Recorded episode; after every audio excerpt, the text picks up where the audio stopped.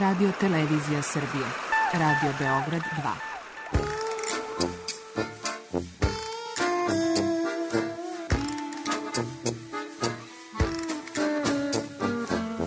Rekli su mi, gospodine, vi ste promašili temu. Pa ja sam onda promašio život.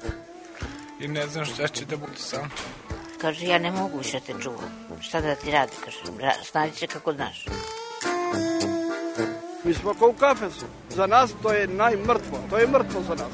Naročito. I ja bih želela neko da me usvoji. Da bih želela. Govori da bih te video. Program dokumentarnog zvuka.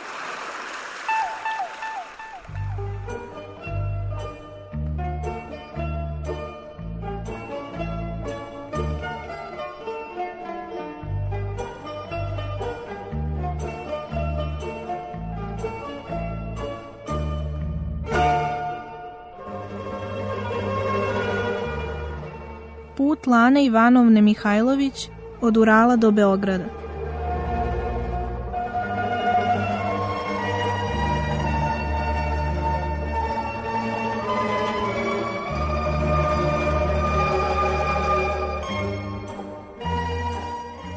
Ja se zovem Lana. Rođena sam u, u Rusiji, na Oralu, u velikom 2,5 miliona ljudi gradu. Dok sam odrastala, bili smo veoma siromašna porodica, iako su moji roditelji bili inženjeri, nisu mogli da zaradi dovoljno za život.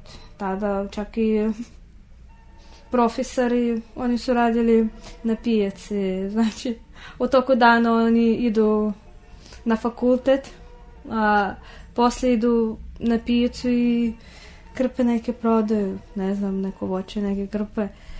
Bilo je ludo vreme i teško je bilo.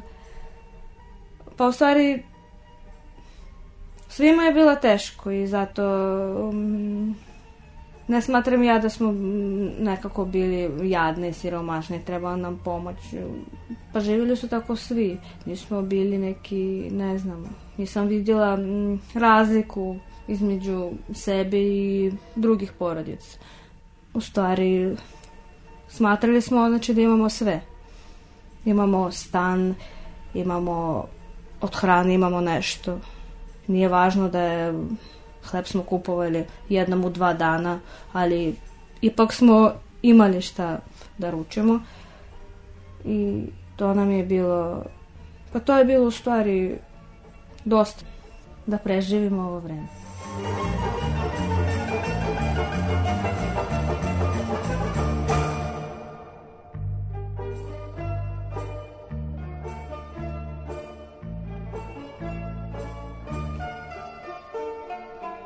nekom periodu kad sam bila mala, imala sam oko 10 godina, moj otac je zavolio da vežba jogu. Da vežba jogu, da čita neke knjige, neku filosofiju o hinduizmu.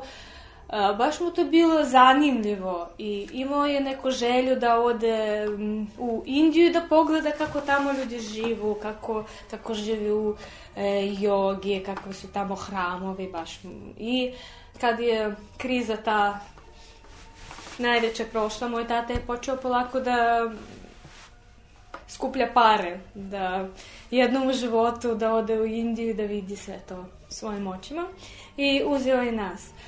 A, bili smo turistički, nas je bila cela grupa iz Rusiji i naravno da smo bili u e, turističkim mestima gdje su bili Nemci, gdje su bili Austrijci, Francuzi i mm, e, Amerikanci, mm, Kanadžani e, i kako su oni bili a, za razliku od nas kako su vaspitani, kako njih cela grupa ide na jedno mesto, kako su vaspitani e, deca njihova, na primjer naši Rus, ruski roditelji čim se okrenu, ruska deca je pobegla i ne vidiš.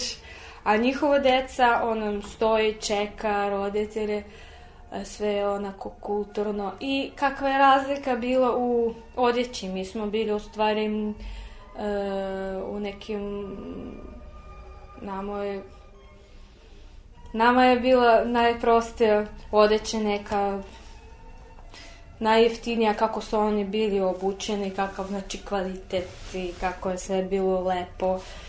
I tad je moj tata shvatio da ima i neki drugi život, neki bolji život. Toliko mi je bilo to čudno i toliko mu se to sviđilo i on je hteo da, da je njegova deca, da ima takav život.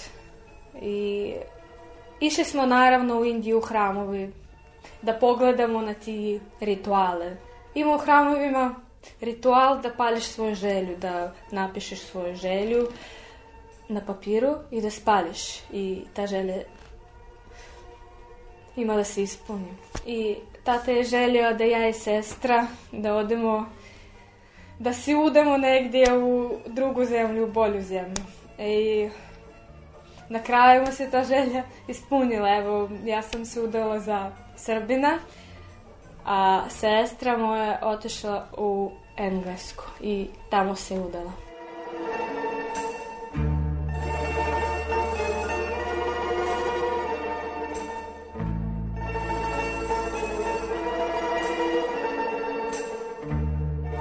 Iako je kod nas zima, 9 mjeseci, onda naravno puno deci moja uh, ide na klizanje, na skijanje u sportski uh, neki uh, sportski klubovi. Pa i meni moja majka upisala na klizanje kad sam imala 5 godina od prilike. I nekih e, dve godine sam bila u školi klizanje, to je ozbiljna škola, ona bila najjača znači, u našem gradu. I sve dok nije se raspala zbog financijske krize. Nije država imala para, ni za našu školu, ni za bilo koju drugu školu. I e, na jedno, dve, tri godine sve je to stalo. I posle kada je prošla ta kriza, opet ta škola se otvorila i ja se vratila u tu školu, ali nisam više mogla da takmičim jer mm, ove godine oni su bili najvažnije, najbitnije za, ovaj, za razvoj i to je prošlo mimo. Tad su počeli da se otvaraju neki um, balet na ledu, na primjer, teatar na ledu više e, show na ledu. Tad je sve to tek počelo i ja sam bila mala i pa razmislila sam dobro, ako neću više da budem takmičar, ja ću da idem u show.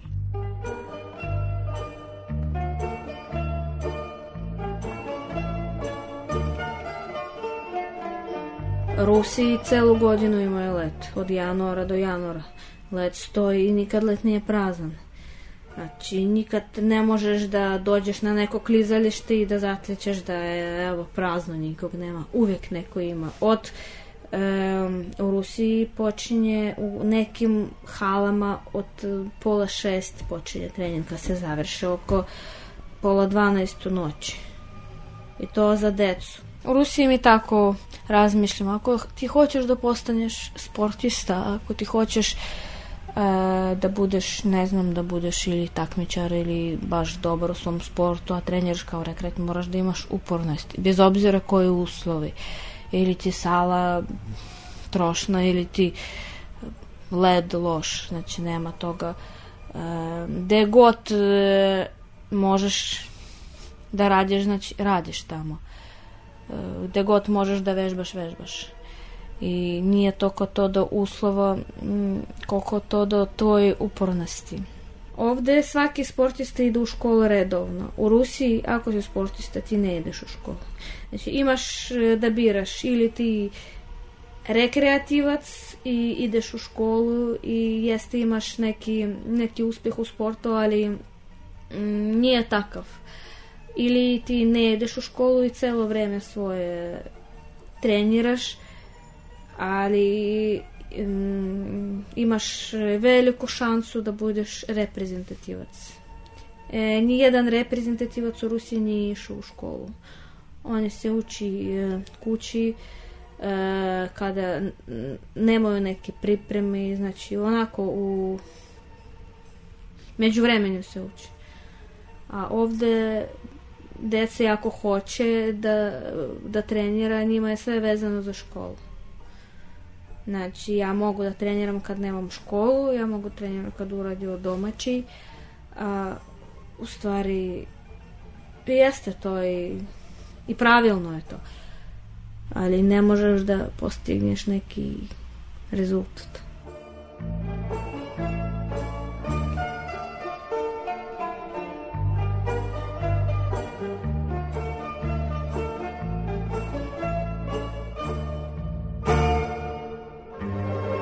Napunila 16, moji roditelji su se razvili i ja, e, sestra i majka otešli smo u Moskvu jer tada je bilo vreme meni da se upišem na fakultet. U Rusiji to kreće ranije nego što je ovde.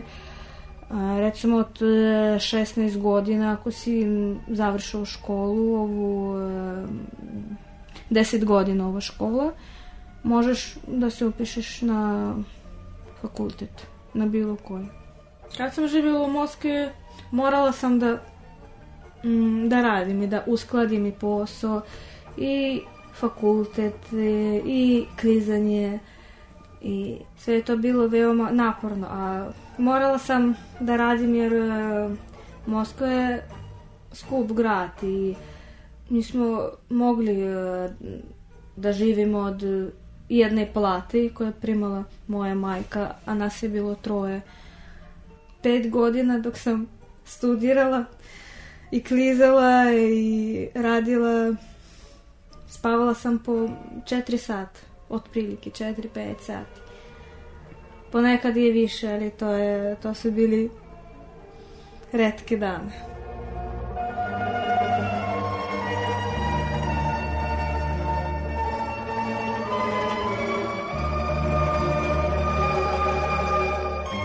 Promenila sam puno m, građevinskih firma, m, puno nekih m, drugih radnih mesta. U stvari, e, ponekad sam imala i po dva, dva posla.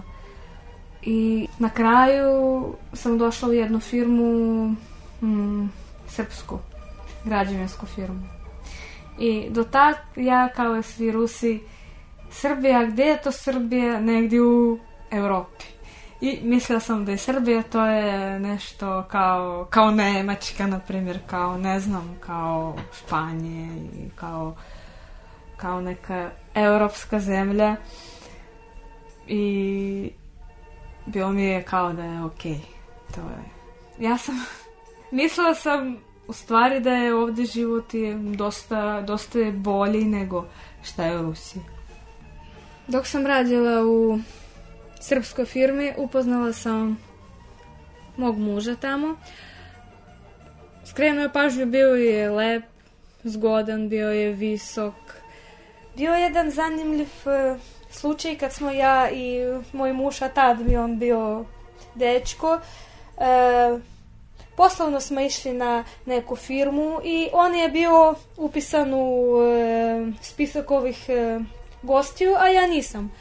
I pita njega čuvar, a ko je ona, ko je ona tebi, e, šta će ona tamo da radi? On kaže, pa ona je sa mnom, ona je moja devojka i čuvar ovako gleda kao da i kaže, pa ne mogu ja da idem, a ona ovde da mi čeka sat vremena, koliko ću ja tamo da pregovaram. I čuvar gleda u njega i pita, pa jesi, e, jesi snosiš za nju odgovornost? I on kaže, i snosim odgovornost sad i snosit ću odgovornost za nju ceo svoj život. I mm, tad sam znala da je to pravi, pravi muškarac onaj za mene.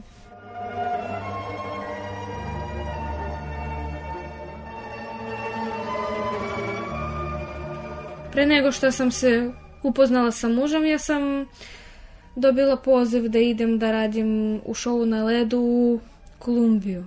I nisam htjela da odem uz Rusiju po svaku cenu, ali mi je bilo zanimljivo da gledam drugu zemlju, da gledam kako živu drugi ljudi. Kad mi je došao poziv, ja sam mu rekla da je ovo takva situacija ako hoćeš možemo da idemo zajedno. Ako uvežbaš neke stvari, neki elemente isklizanja, uvek treba na backstage, uvek treba neko veliki, snažan, znači u show to uvek treba.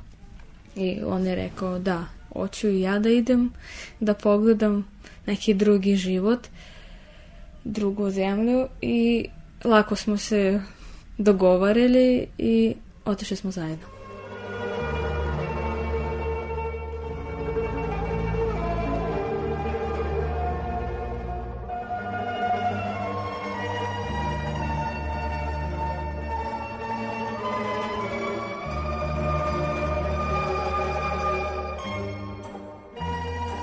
Kolumbiji smo živjeli godinu dana. E, tamo je život e, se razlikuje od našeg. E, oni e, svi pričaju samo španski.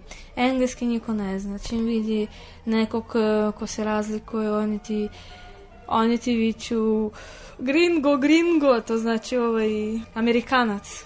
Oni mm, znači niko ne misli da mogli, na primjer, e, europski ljudi da dođe kod njih. Da, i oni svi misle ako si, ako si plava, ako si iz Amerike, iz ne znam ili otkud još, oni odmah misle da ti imaš par, što u stvari nije tačno. U Kolumbiji živu e, latinosi, imaju e, taman ten, e, crnu kosu, tamne oči, a ja sam plava, imam plavu kosu, plave oči i njima je to bilo čudno.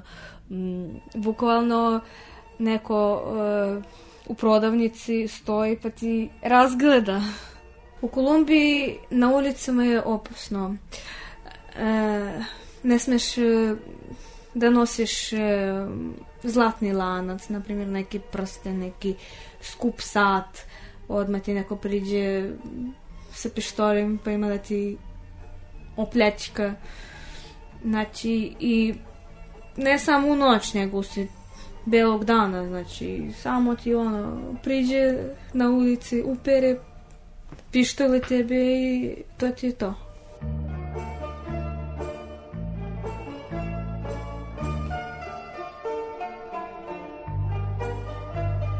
Njima to čudno to show na ledu, jer oni led vidi samo u, u frižideru.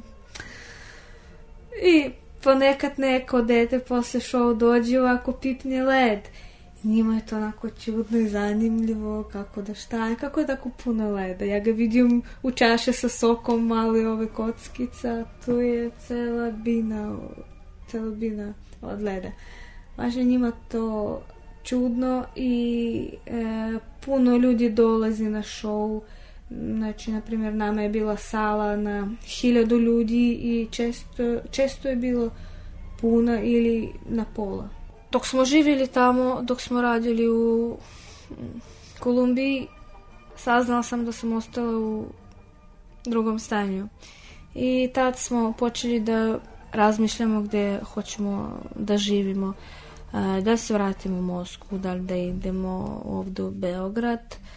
Odlučili smo ipak e, za Beograd jer u, u Moskvi nemamo... Mm, nisam imala ja svoj stan, nego e, majka ima jednosovan stan u kojem živi ona, u kojem živi moja sestra i nas dvoje bi došlo, to, to bi bilo previše i e, jedno rješenje je bilo da iznajmimo stan, a u Moskvi prvo teško da nađeš stan, a drugo su veoma, veoma skupi. I može rekao ja imam mm, ovde lepu kuću, što ne bi došli da živimo u stvari u Beogradu. Lepo i za nas, lepo i za decu za buduću decu. I nisam ni sumnjala da je to dobro um, rješenje.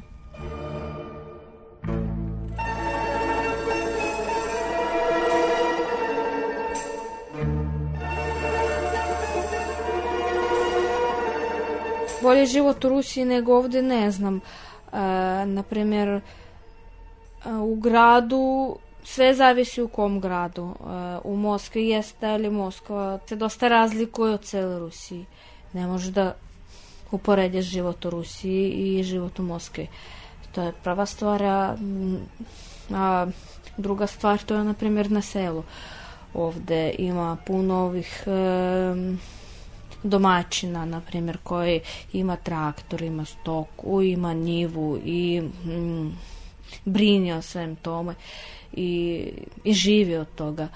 I nisu loše živi, imaju dobre kući, imaju fine porodice, a u Rusiji, na primjer, dosta ljudi koji žive na selu, oni samo piju vodku i nemaju ništa. Oni razmišljaju samo da preživu ovaj dan, šta će biti sutra, njih ne zanima, živu u e, trošnim kućama. Ne brinu toliko o tome šta imaju i ne znam, nekako nisu pravi domaćine. Ima i takvih koji ima nive, ko brine, ko znači e, čuva sve ono što ima, ko ima i neki radni mašini dobre. A većinom na selu je u Rusiji katastrofa. Ovde uvek čujem da ljudi kukaju za život, kako nam je teško, a kako, kako je lepo u drugim zemljama, evo moj rođak je tamo, moj rođak je vamo. I Rusi nismo navikli da kukamo tako. Ima, ima dosta ljudi imaju mnogo gore uslovi nego što je u Srbiji. I to je mnogo, mnogo gori. I jeste kukuju, ali ne toliko, ne čuješ to na svakom čošku. Naopako, ljudi se nekako se snalazi u svojim uslova. On se bo, e, puno ljudi se bori za bolji život. I niko ne kaže, evo, jadni smo, ne znam, živimo najgore od svih. Nema tamo toga. Nismo navikli u stvari na to. Ima različitih, ima jeste ko kuka, a, a ništa ne radi, ali takvih, manje je takvih nego ovde.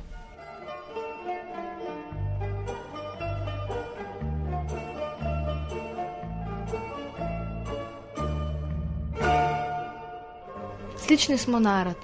Imamo slični jezik, slične tradicije, istu veru u stvari imamo, ali dosta, dosta se razlikujemo u nekim sitnim stvarima. Naprimjer, prvo što mi je bilo čudno uh, ovde um, tradicija je kada tebi neko dolazi u kuću, ti mu kažeš nemoj skidaš patike i on ti ulazi u patikama u dnevni boravak.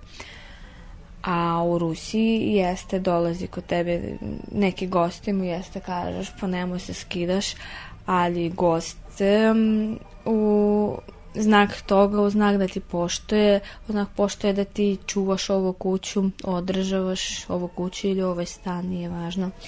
Uh, on obavezno će uh, skinuti patike i ti mu daš papučice za goste i u tim papućama gosti ulazi u kuću. Ako ti gost posluša i uđe u tvoju kuću ovako lepo u patikama, ti ćeš da razmisliš da li on uopšte da li on osjeća neko poštovanje prema tebi i hoćeš li ti ga vidjeti ponovo u svojoj kući. E, za nas to je nekako neprihvatljivo. Meni se čini da su ljudi u, u Srbiji malo emotivni, a u Rusiji nekako krijemo to. Znači, jest, možemo da se otvorimo pred e, drugarima, porodicom, a inače ovako u životu moraš a, da, da kriješ svoje emocije. U porodicu, vaspitanju dece jeste ima razlika. Naprimjer, ako dete malo ide i se sapljelo o stolicu ili zakačilo sto i neki čošok od nekog namještaja ili bilo čega. Da kaže, e, pa nisi ti kriv čoveče, kriv je namještaj.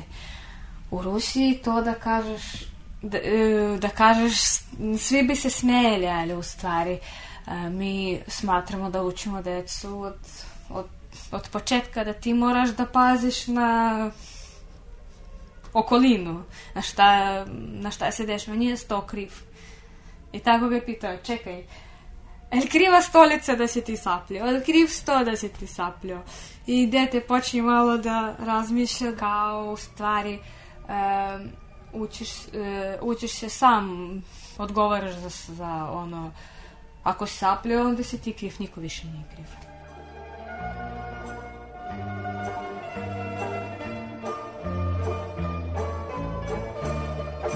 Ovde smo se skućili, imamo lepo kuću, imamo dvoje dece.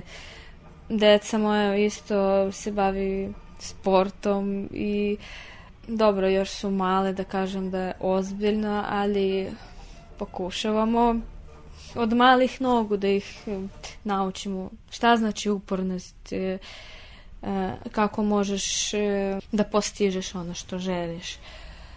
To je bitno, ja mislim.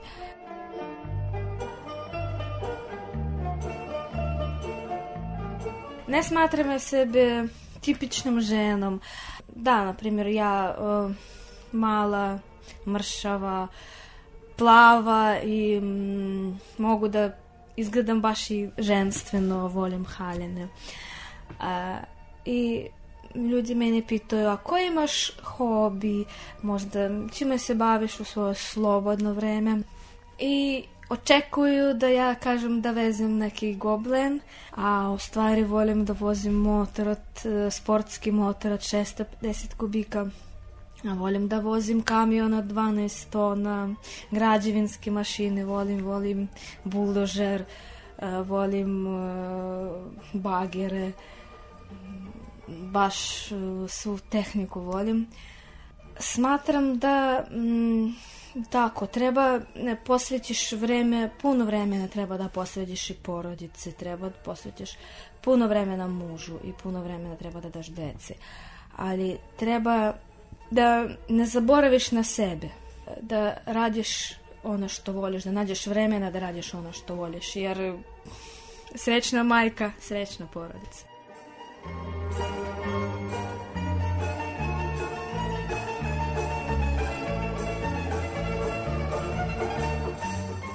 Tako kažem, jeste, ja volim Rusiju, ja volim rusku kulturu, ali ako bi meni baš tako, ja bi baš tako to volila, ne bi ja um, odlučila da živim ovde u Srbiji. I sad mi zanimljiva i srpska ova kultura, tradicija. Ja bih pre upoznala to nego da idem i um, idem u ruski dom da pričam o ruskim tradicijama koje znam i ovako ih znam. Ja smatram da je e, dom, to je mesto, nije gde si rođen, nije gde si mm, proveo najbolje godine, nego gde živiš sad i gde ti je lepo i zato ja smatram sada da je moj dom ovde.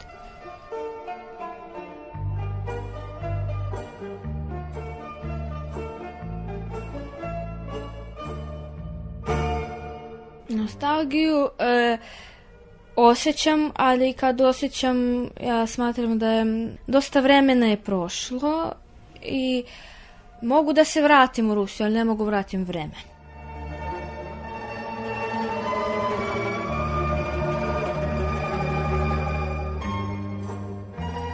Slušali ste reportažu Put Lane Ivanovne Mihajlović od Urala do Beograda koji su realizovali dizajner zvuka Igor Dragićević i autor Milana Radić.